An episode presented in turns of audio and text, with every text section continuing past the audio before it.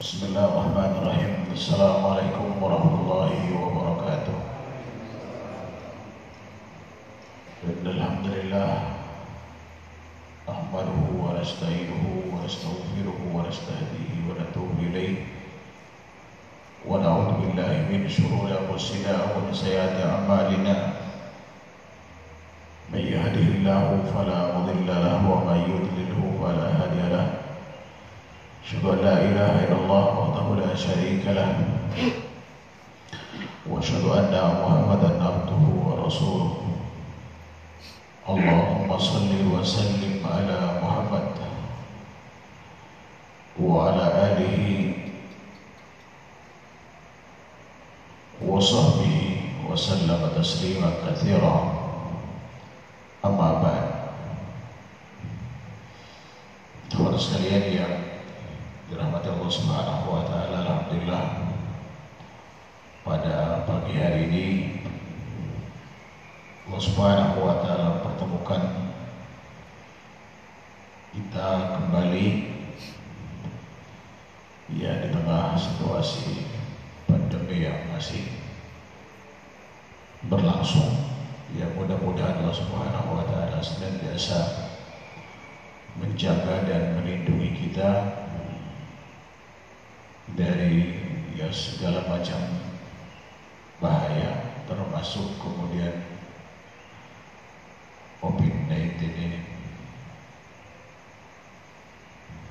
Dan juga dihindarkan dari ya fitnah-fitnah yang muncul akibat COVID ataupun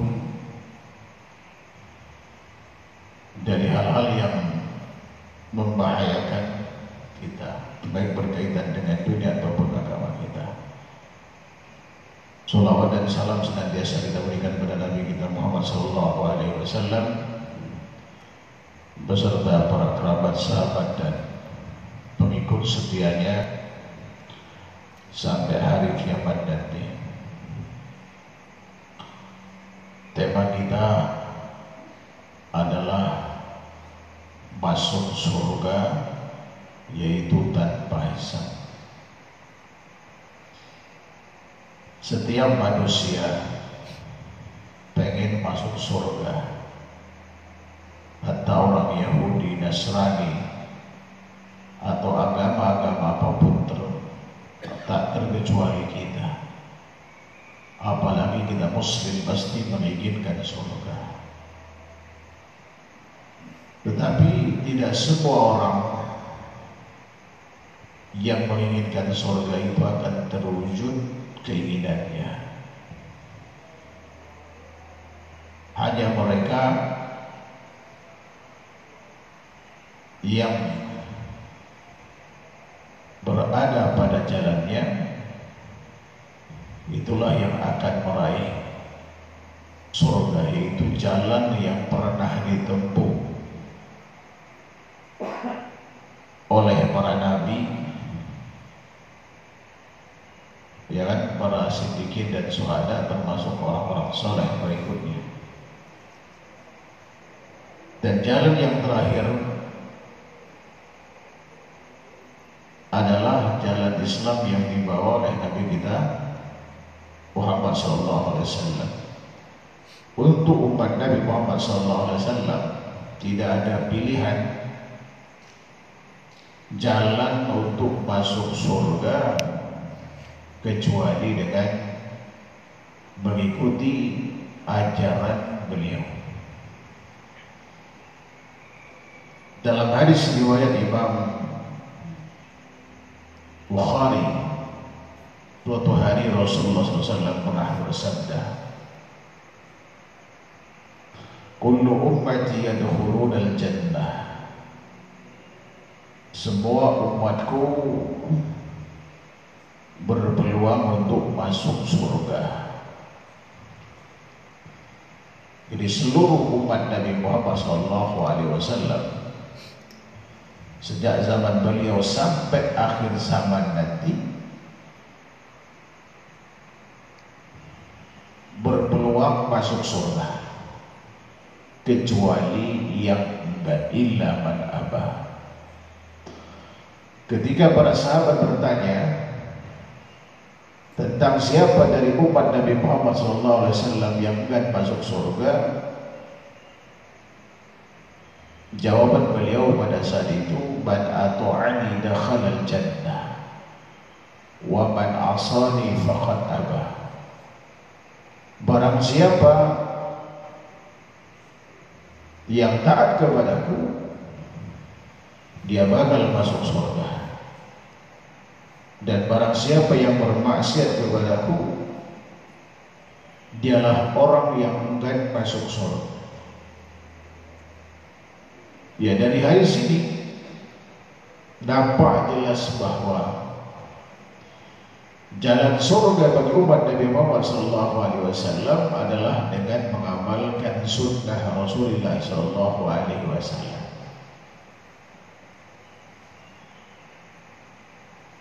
Kalau kita mau ke umat Nabi Muhammad SAW, namun jalan yang kita tempuh bukan jalan ke surga, bukan sunnah Rasulullah SAW akan tersesat di jalan.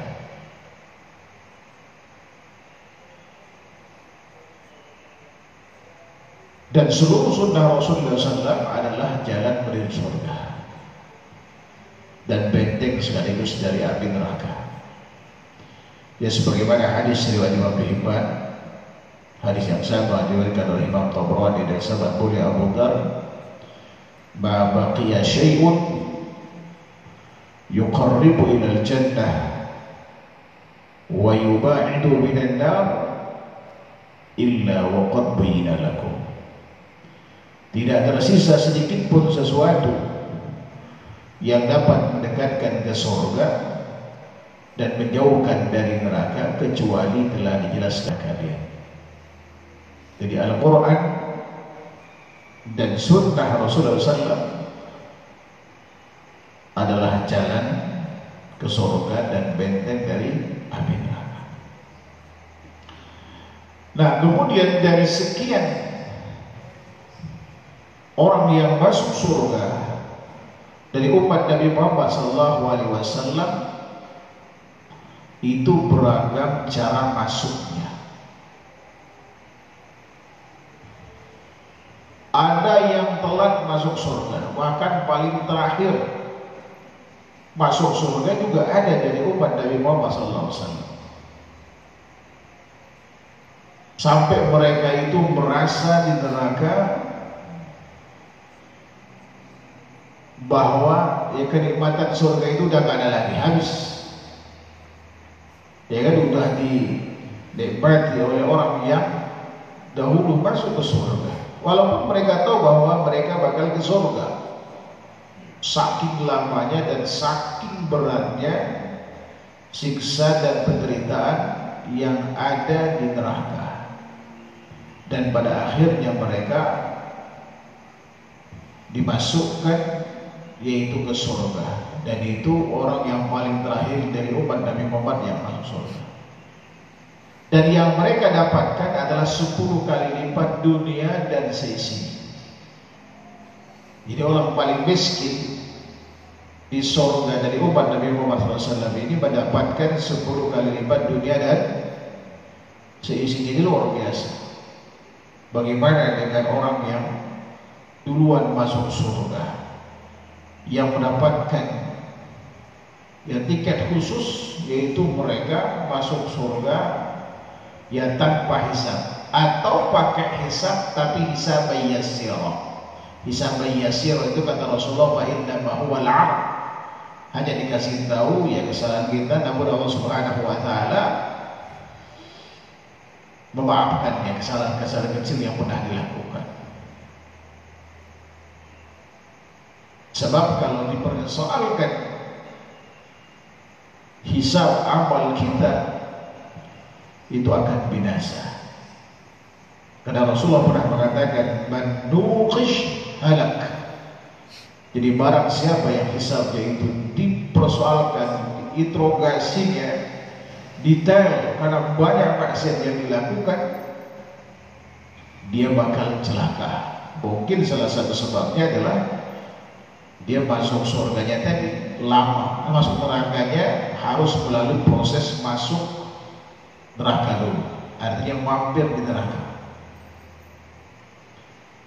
Dan seluruh ahli tauhid itu bakal masuk surga. Walaupun dia pelaku maksiat selain syirik. Itu keyakinan kita ahli sunnah wal jamaah. Hanya persoalan berapa lama di neraka kita tidak.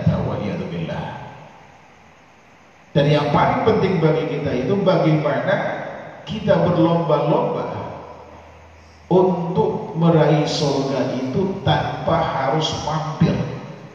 Minimal tadi mendapatkan hisab yasir atau kemudian tanpa hisab sama sekali. Wala azab tanpa melalui proses masuk ke neraka atau mampir ke neraka. Rasulullah Shallallahu Alaihi Wasallam memberitahu kepada kita ciri-ciri atau amalan yang dengannya seorang itu bisa masuk surga tanpa hisab dan juga tanpa adab.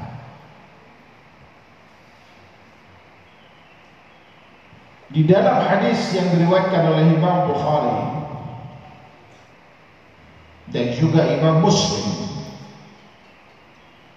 Dan hadis yang sama diriwayatkan oleh Imam Tirmidzi Imam Ad-Darimi dan juga Imam Ahmad. Dari Husain bin Abu Ahmad dari seorang tabi. Seorang apa namanya sigar tabi. Dia berkata inda Sa'id bin Jubair. Suatu hari saya berada di rumahnya Sa'id bin Jubair atau di sisinya Sa'id bin Jubair.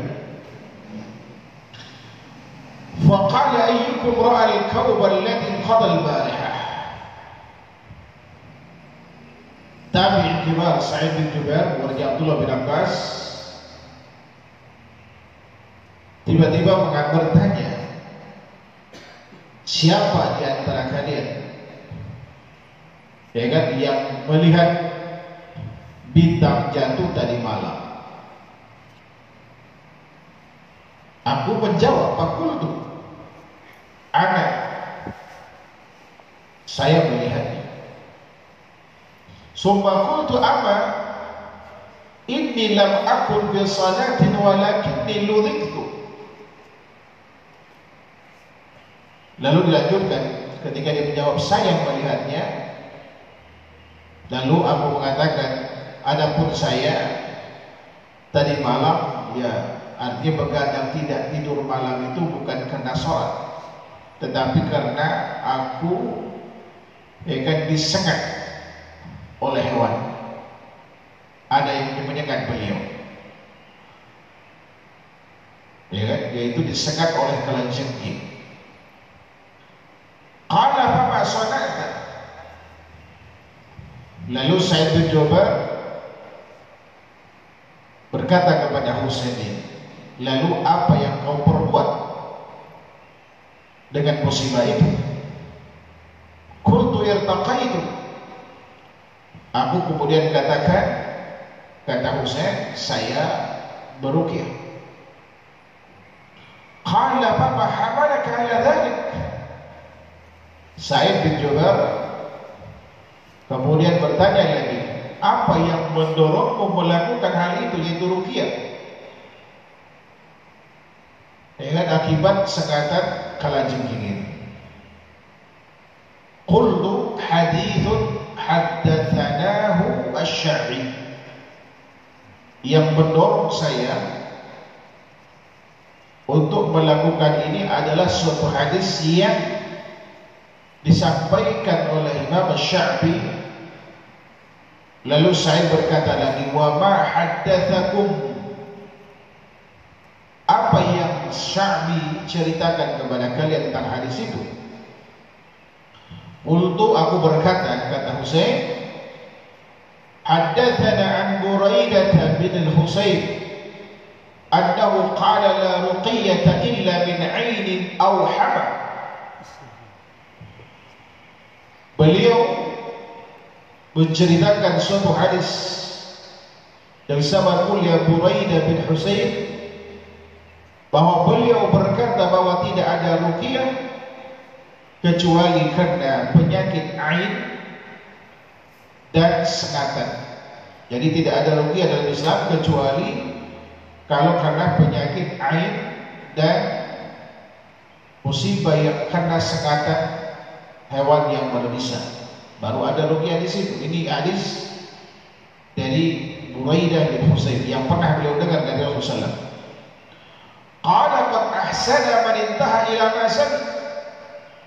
Sungguh telah berbuat baik seorang yang mengamalkan apa yang ia dengar.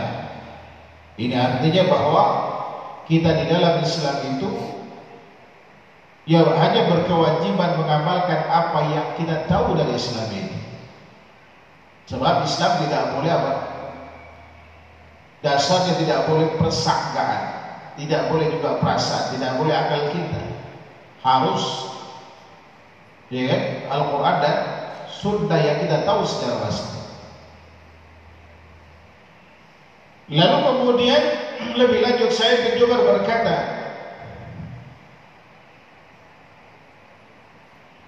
Walakin haddathana Ibnu Abbas an Nabi Shallallahu Alaihi Wasallam. Akan tetapi sahabat mulia Abdullah bin Abbas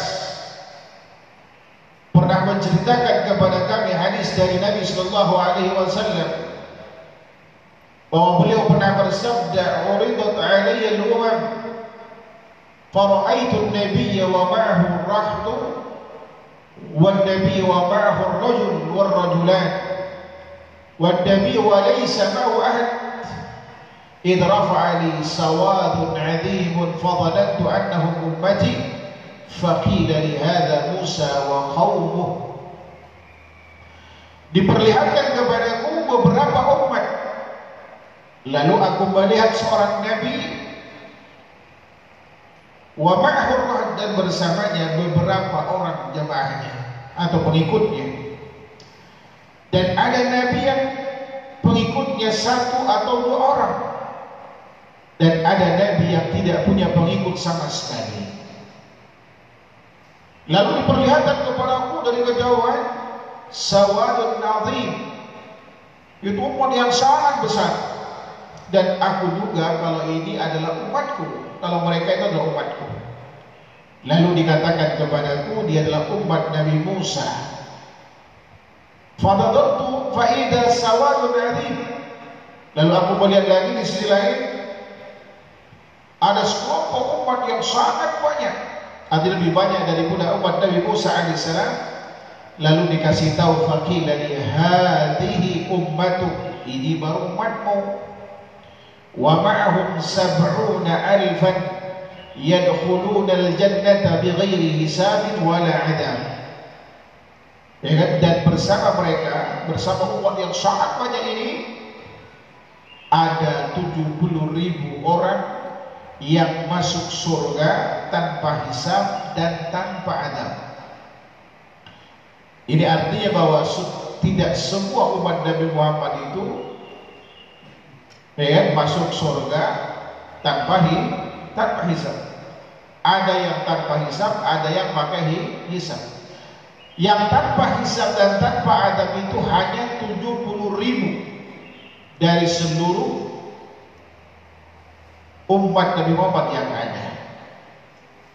Ya kalau kita tahu jumlah sahabat saja walaupun ini masih terjadi perdebatan di kalangan para sejarawan diperkirakan itu 120 ribu ada mengatakan 124 ribu orang. Itu sahabat Nabi Shallallahu Alaihi Bayangkan. Dari zaman Nabi Muhammad SAW sampai nanti akhir zaman itu berapa miliar umat Nabi Muhammad SAW yang Muslim. Dan kemudian hanya 70 orang 70 ribu orang. Dari mereka itu ya kan? Yang masuk surga tanpa hisab dan juga tanpa ada. bahkan tidak semua sahabat itu masuk surga tanpa hisab itu. Sebab ada sahabat yang ketika minta didoakan untuk masuk tanpa hisab kamu telah didahului oleh Uqasha Nah, lebih lanjut, summa dahaba fadakhala manzilahu. Lalu Rasulullah bangkit berdiri beranjak dari tempat beliau tadi duduk dan masuk ke dalam rumahnya. Fahadan nasu fi ulaika. Lalu kemudian sementara sahabat itu memperbincangkan siapa gerangan mereka-mereka yang masuk surga tanpa hisab dan tanpa azab itu. Faqala ba'duhum ada di antara sahabat itu yang berkata, "Pada Allahumul ladina sahibu Rasul sallallahu alaihi wasallam." Mungkin saja yang masuk surga tanpa hisab itu adalah orang yang membersamai Rasulullah sallallahu alaihi wasallam. Ada seluruh sahabat dengan yang membersamai Rasulullah SAW Jangan-jangan mereka itu yang masuk surga tanpa hisab. Jadi sahabat itu adalah orang yang melihat Rasulullah dan beriman kepadanya. Lalu kemudian dia mati dalam keadaan beriman. Walaupun ya kan pernah murtad itu. Ini definisi seingat saya yang diungkapkan oleh Imam Ibnu Hajar Al-Asqalani rahimahullah taala. Karena ada sahabat kemudian yang murtad pasca meninggal Rasulullah di zaman sahabat Abu Bakar. Dan kemudian setelah itu taubat kembali mereka dan mati dalam keadaan Islam. Itu juga tetap dianggap sahabat. Maka definisi sahabat itu seperti yang tersebut tadi wallahu taala dan sebagian lain berkata pada annahum alladziina wulidu fil Islam yushriku billahi syai'an wa dzakaru asya'a sebagian lain mengatakan jangan-jangan yang masuk surga tanpa hisab itu adalah mereka yang lahir di dalam Islam. Arti yang tidak pernah sama sekali mencicipi kehidupan jahiliyah. Ya seperti Abdullah uh,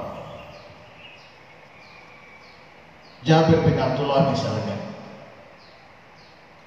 atau sahabat-sahabat yang lain atau putra-putranya, para sahabat seperti putranya, ada bin Malik, putranya Abu Talha. Ya kan yang lahir dalam keadaan Islam. Arti setelah orang tuanya itu masuk Islam. Jangan-jangan mereka inilah kemudian yang masuk surga tanpa hisab yaitu mereka yang dilahirkan dari sahabat itu dalam apa namanya dalam lingkungan Islam dan tidak pernah menyekutukan Allah dengan suatu apa pun. Dan ada yang lain menyebutkan ya kan alasan-alasan jangan-jangan ini jangan-jangan ini wadakar wasya ya kan? lalu kemudian fakharaja alaihim Rasulullah sallallahu alaihi wasallam fa akhbaruhu ya setelah sahabat itu memperbincangkan tentang siapa 70 ribu orang dari umat Nabi Muhammad yang masuk surga tanpa hisab Ya kan? Akhirnya kemudian Rasulullah kasih tahu mereka. Faqalahumul ladina la yastarqun wa la yaktawun wa la yatatayyarun wa ala rabbihim yatawakkalun. Mereka yang masuk surga tanpa hisab itu kata Rasulullah adalah mereka yang tidak minta rukiah, tidak menggunakan pengobatan kain itu panas besi.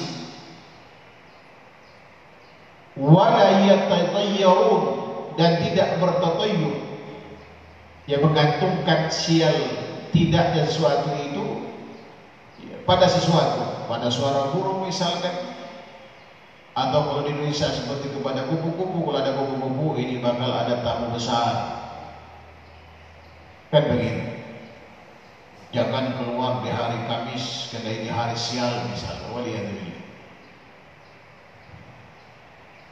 Kemudian wala rabbihim yatawakkalun dan kepada Rabb mereka lah bertawakal.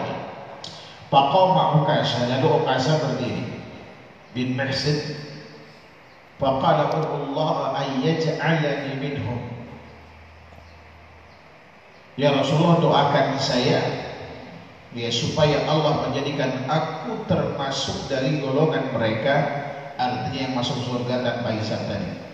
Qala anta minhum kata Rasulullah kamu termasuk golongan mereka. Jadi ukasa ini ya yang dipastikan masuk surga tanpa hisab dan juga tanpa ada berdasarkan nas tadi. Summa qama rajulun akhar Kemudian ada sahabat lain yang berdiri dan berkata kepada Rasulullah, "Ud'ullah ayyaj'alani minhum ya Allah." Tolong doakan aku juga kepada Allah supaya berkenan menjadikan aku salah satu dari golongan mereka ini. Maqala sabaqaka biha uqasa.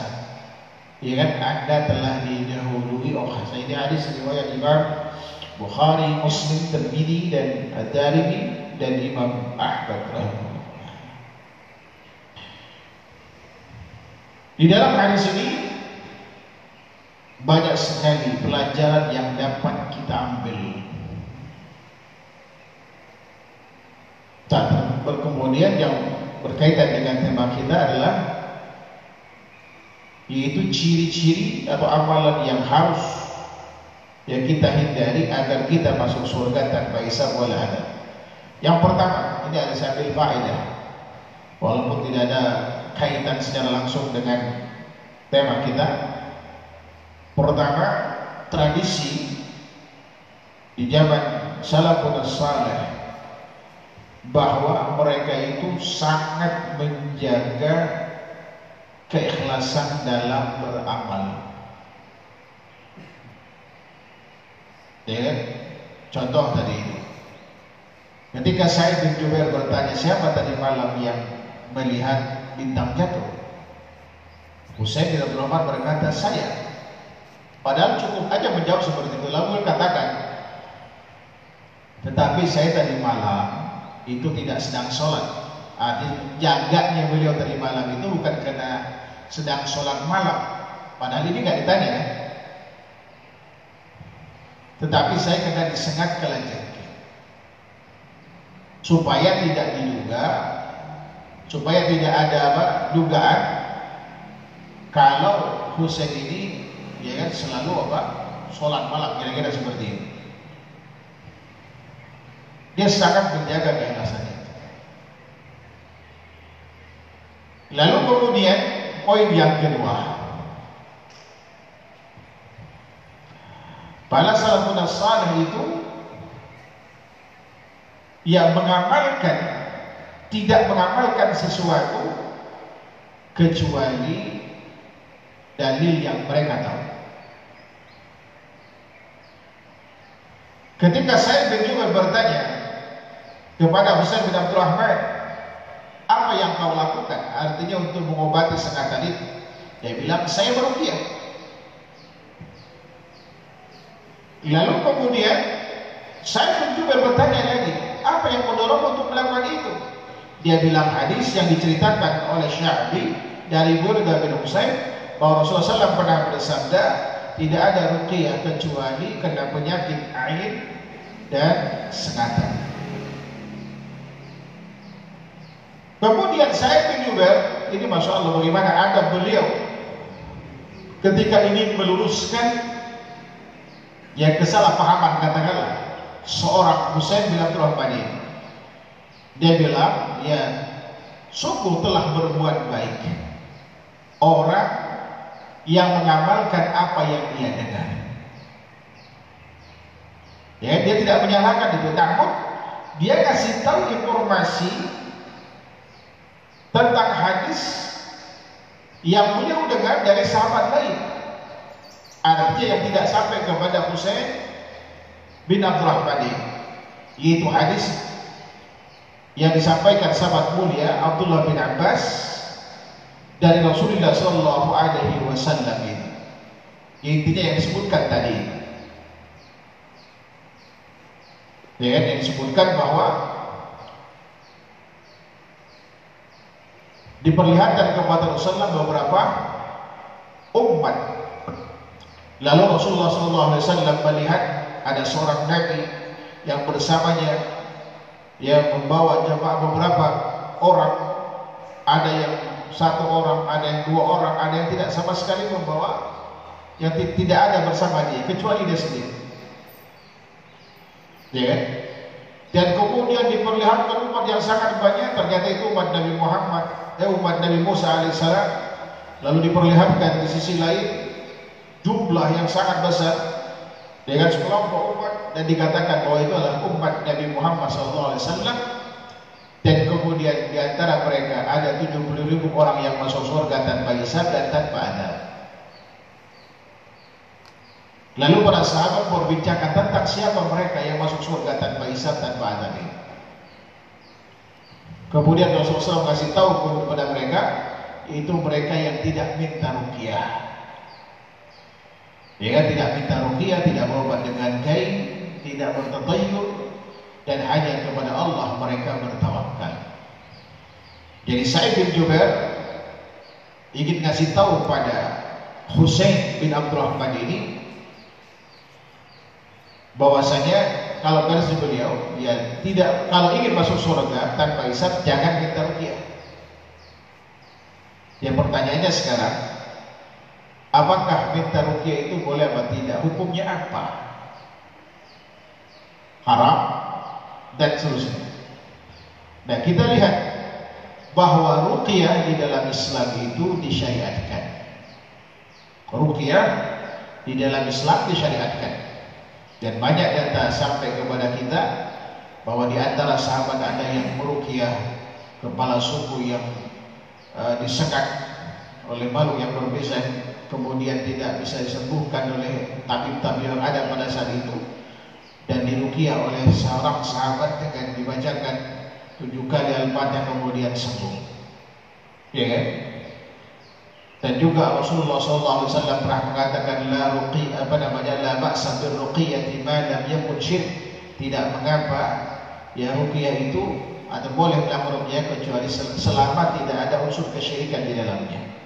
Bahkan Rasulullah SAW juga dirukyah oleh malaikat Jibril alaihissalam dan juga Rasulullah SAW merukyah dirinya. Bahkan ketika beliau yang tidak sanggup karena pengaruh sihir yang ada dalam tubuhnya itu sangat kuat, akhirnya kemudian Aisyah radhiyallahu anha yang merukyah beliau. Nah, dari data-data ini menunjukkan bahwa rukyah itu disyariatkan di dalam Islam. Masalahnya adalah persoalan minta ruqyah dan beruqyah.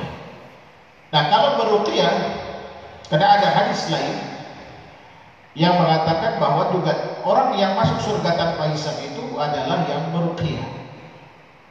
Dan kata kata Syekhul Islam Taimiyah rahimahullah taala bahwa hadis ini adalah sisipan mudraj bukan bagian dari keutuhan hadis itu. Jadi kata Syekh Islam Taimiyah rahimahullah taala. Jadi meruqyah itu boleh dan tidak masalah. Ya kan sebagaimana kasus Aisyah meruqyah siapa? Rasulullah sallallahu alaihi wasallam. Dan juga malaikat Jibril meruqyah Rasulullah sallallahu alaihi wasallam. Ya kan? Nah, kemudian bagaimana dengan minta ruqyah? Minta ruqyah Ya kan? Minta ruqyah sebaiknya dihindari kecuali dalam kondisi darurat.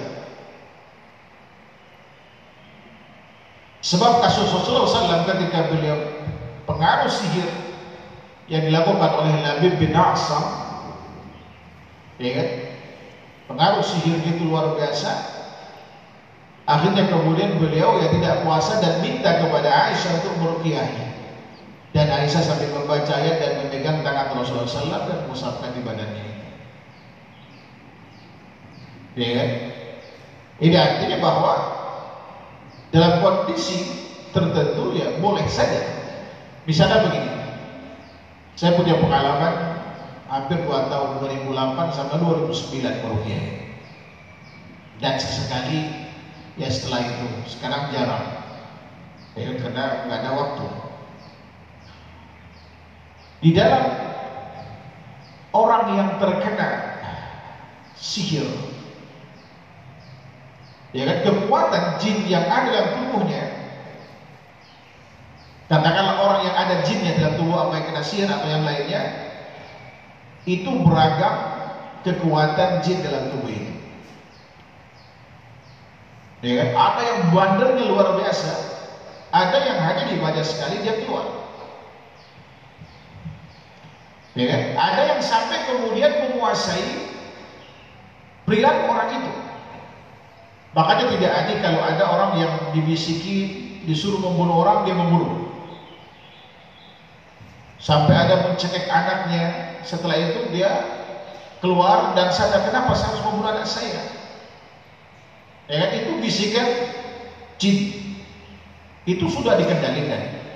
Bahkan dulu ada di PJ sini seorang wanita saya habis pengajian masih masih muda beliau mungkin sekitar 20 tahun anaknya hampir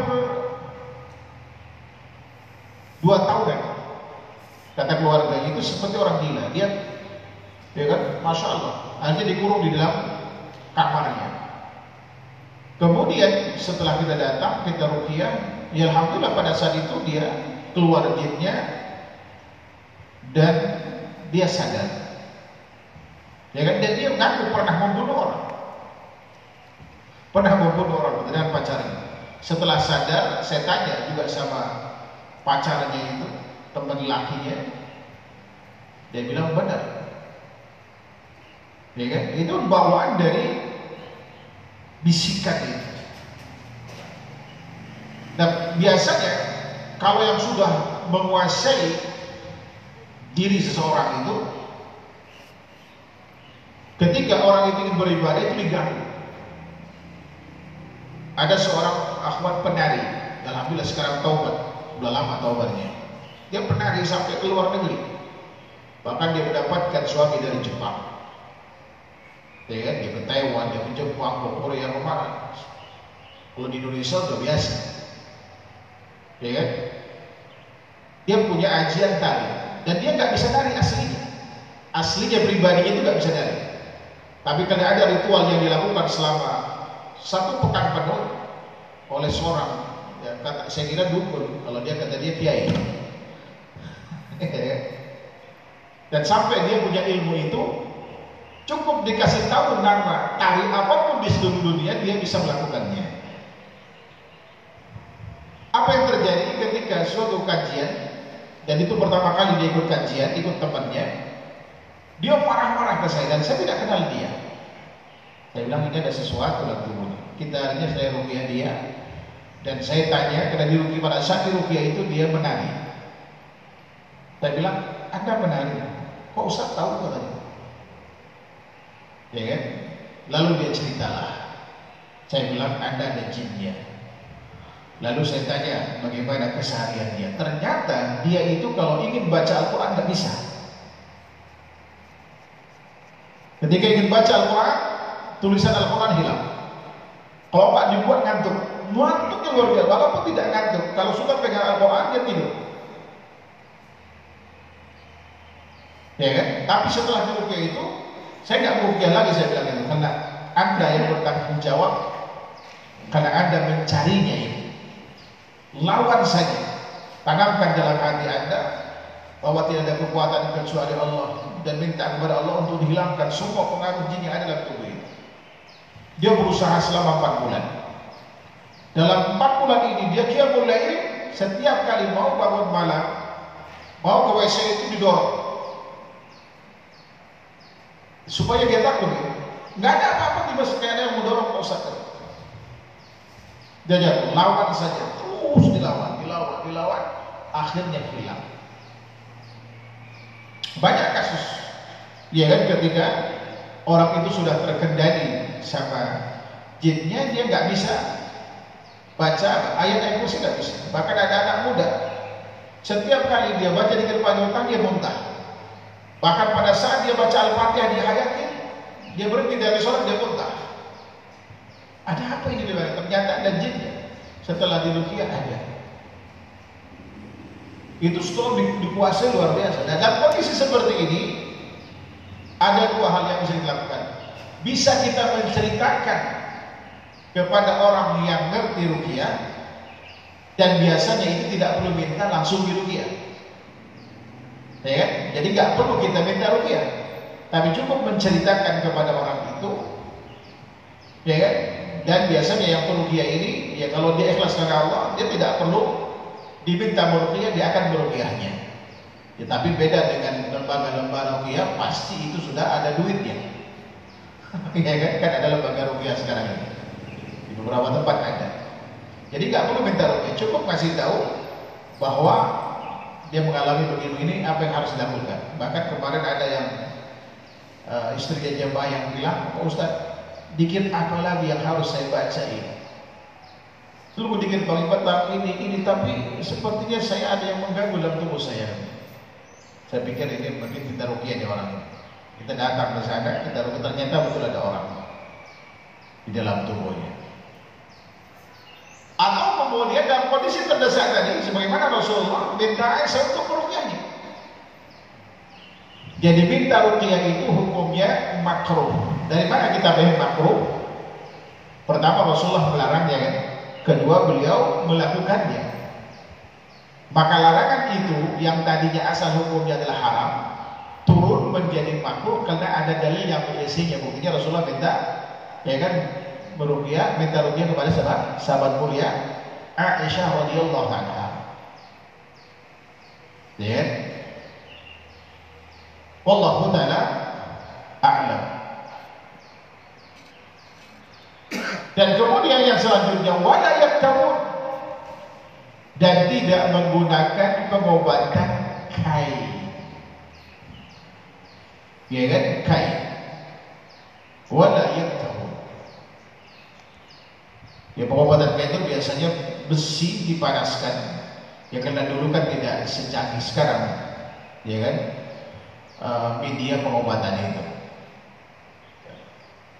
Pada saat ada luka, ditempelin besi panas supaya darah tidak mengalir ya kan? dan itu dilarang ya kalau sekarang sudah ada ya kan obatnya untuk mempertin darah kan gitu. Atau menghilangkan atau gejala apa infeksi. Ada antibiotik ada macam-macam. Ya kan?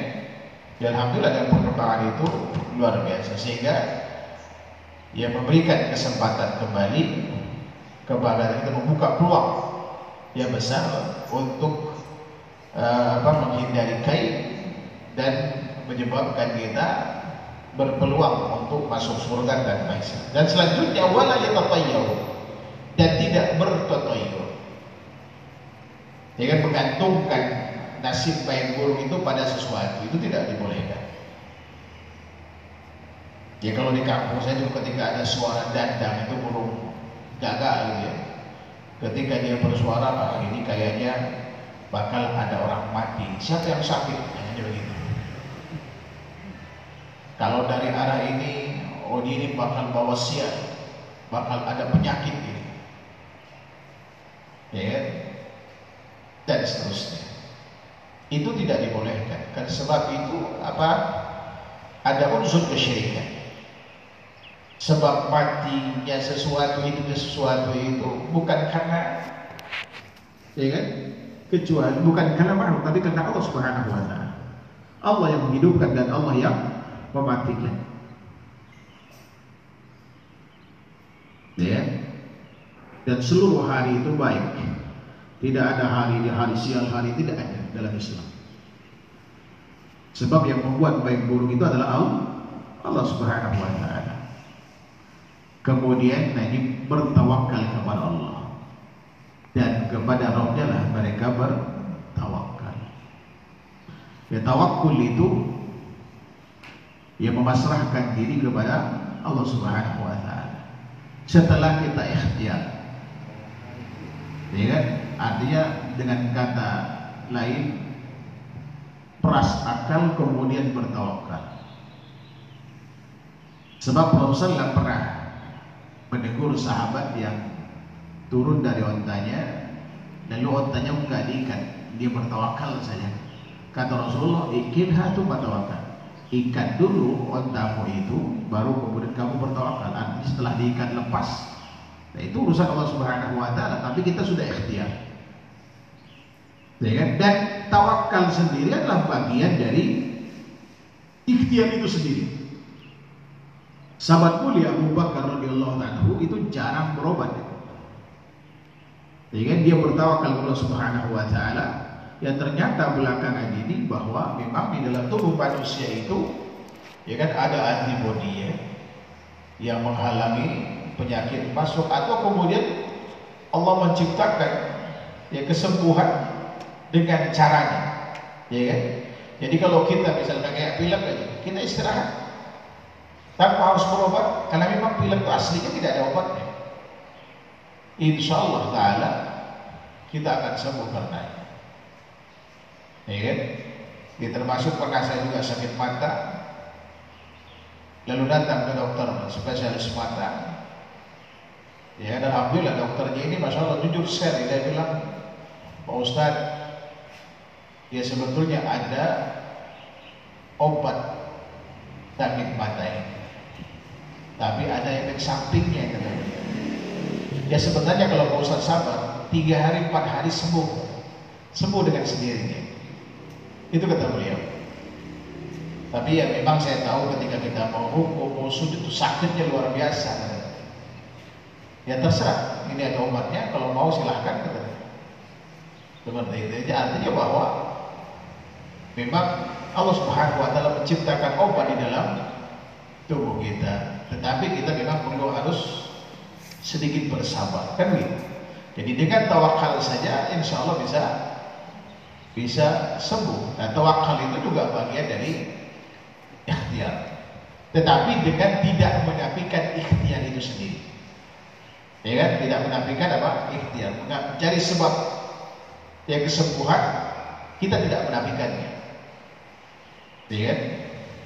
Nah inilah empat perkara yang harus kita hindari ya kan? agar kemudian kita termasuk golongan dari 70 ribu ya kan?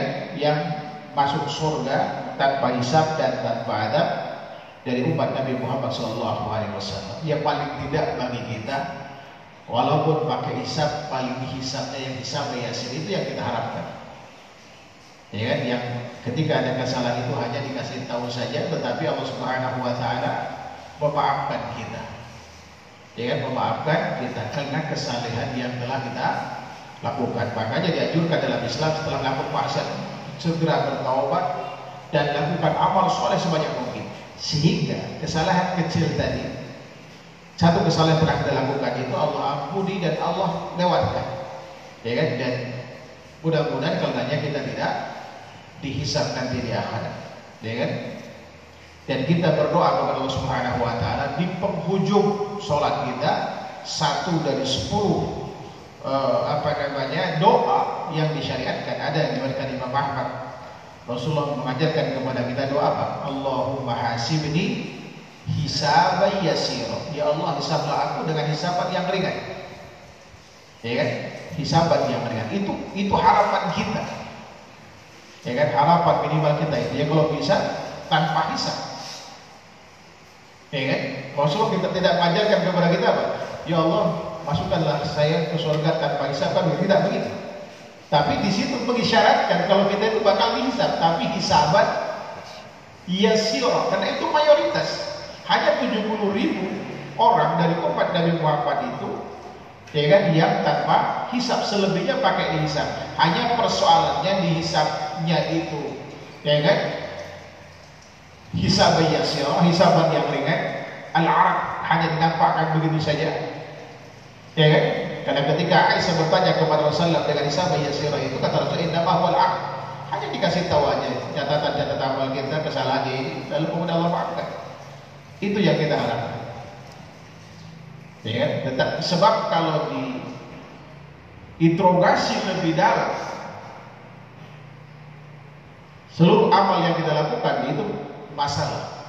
Sebab Rasulullah katakan manuish halak. Kata barang siapa yang hisabnya itu di apa namanya dalam dia celaka.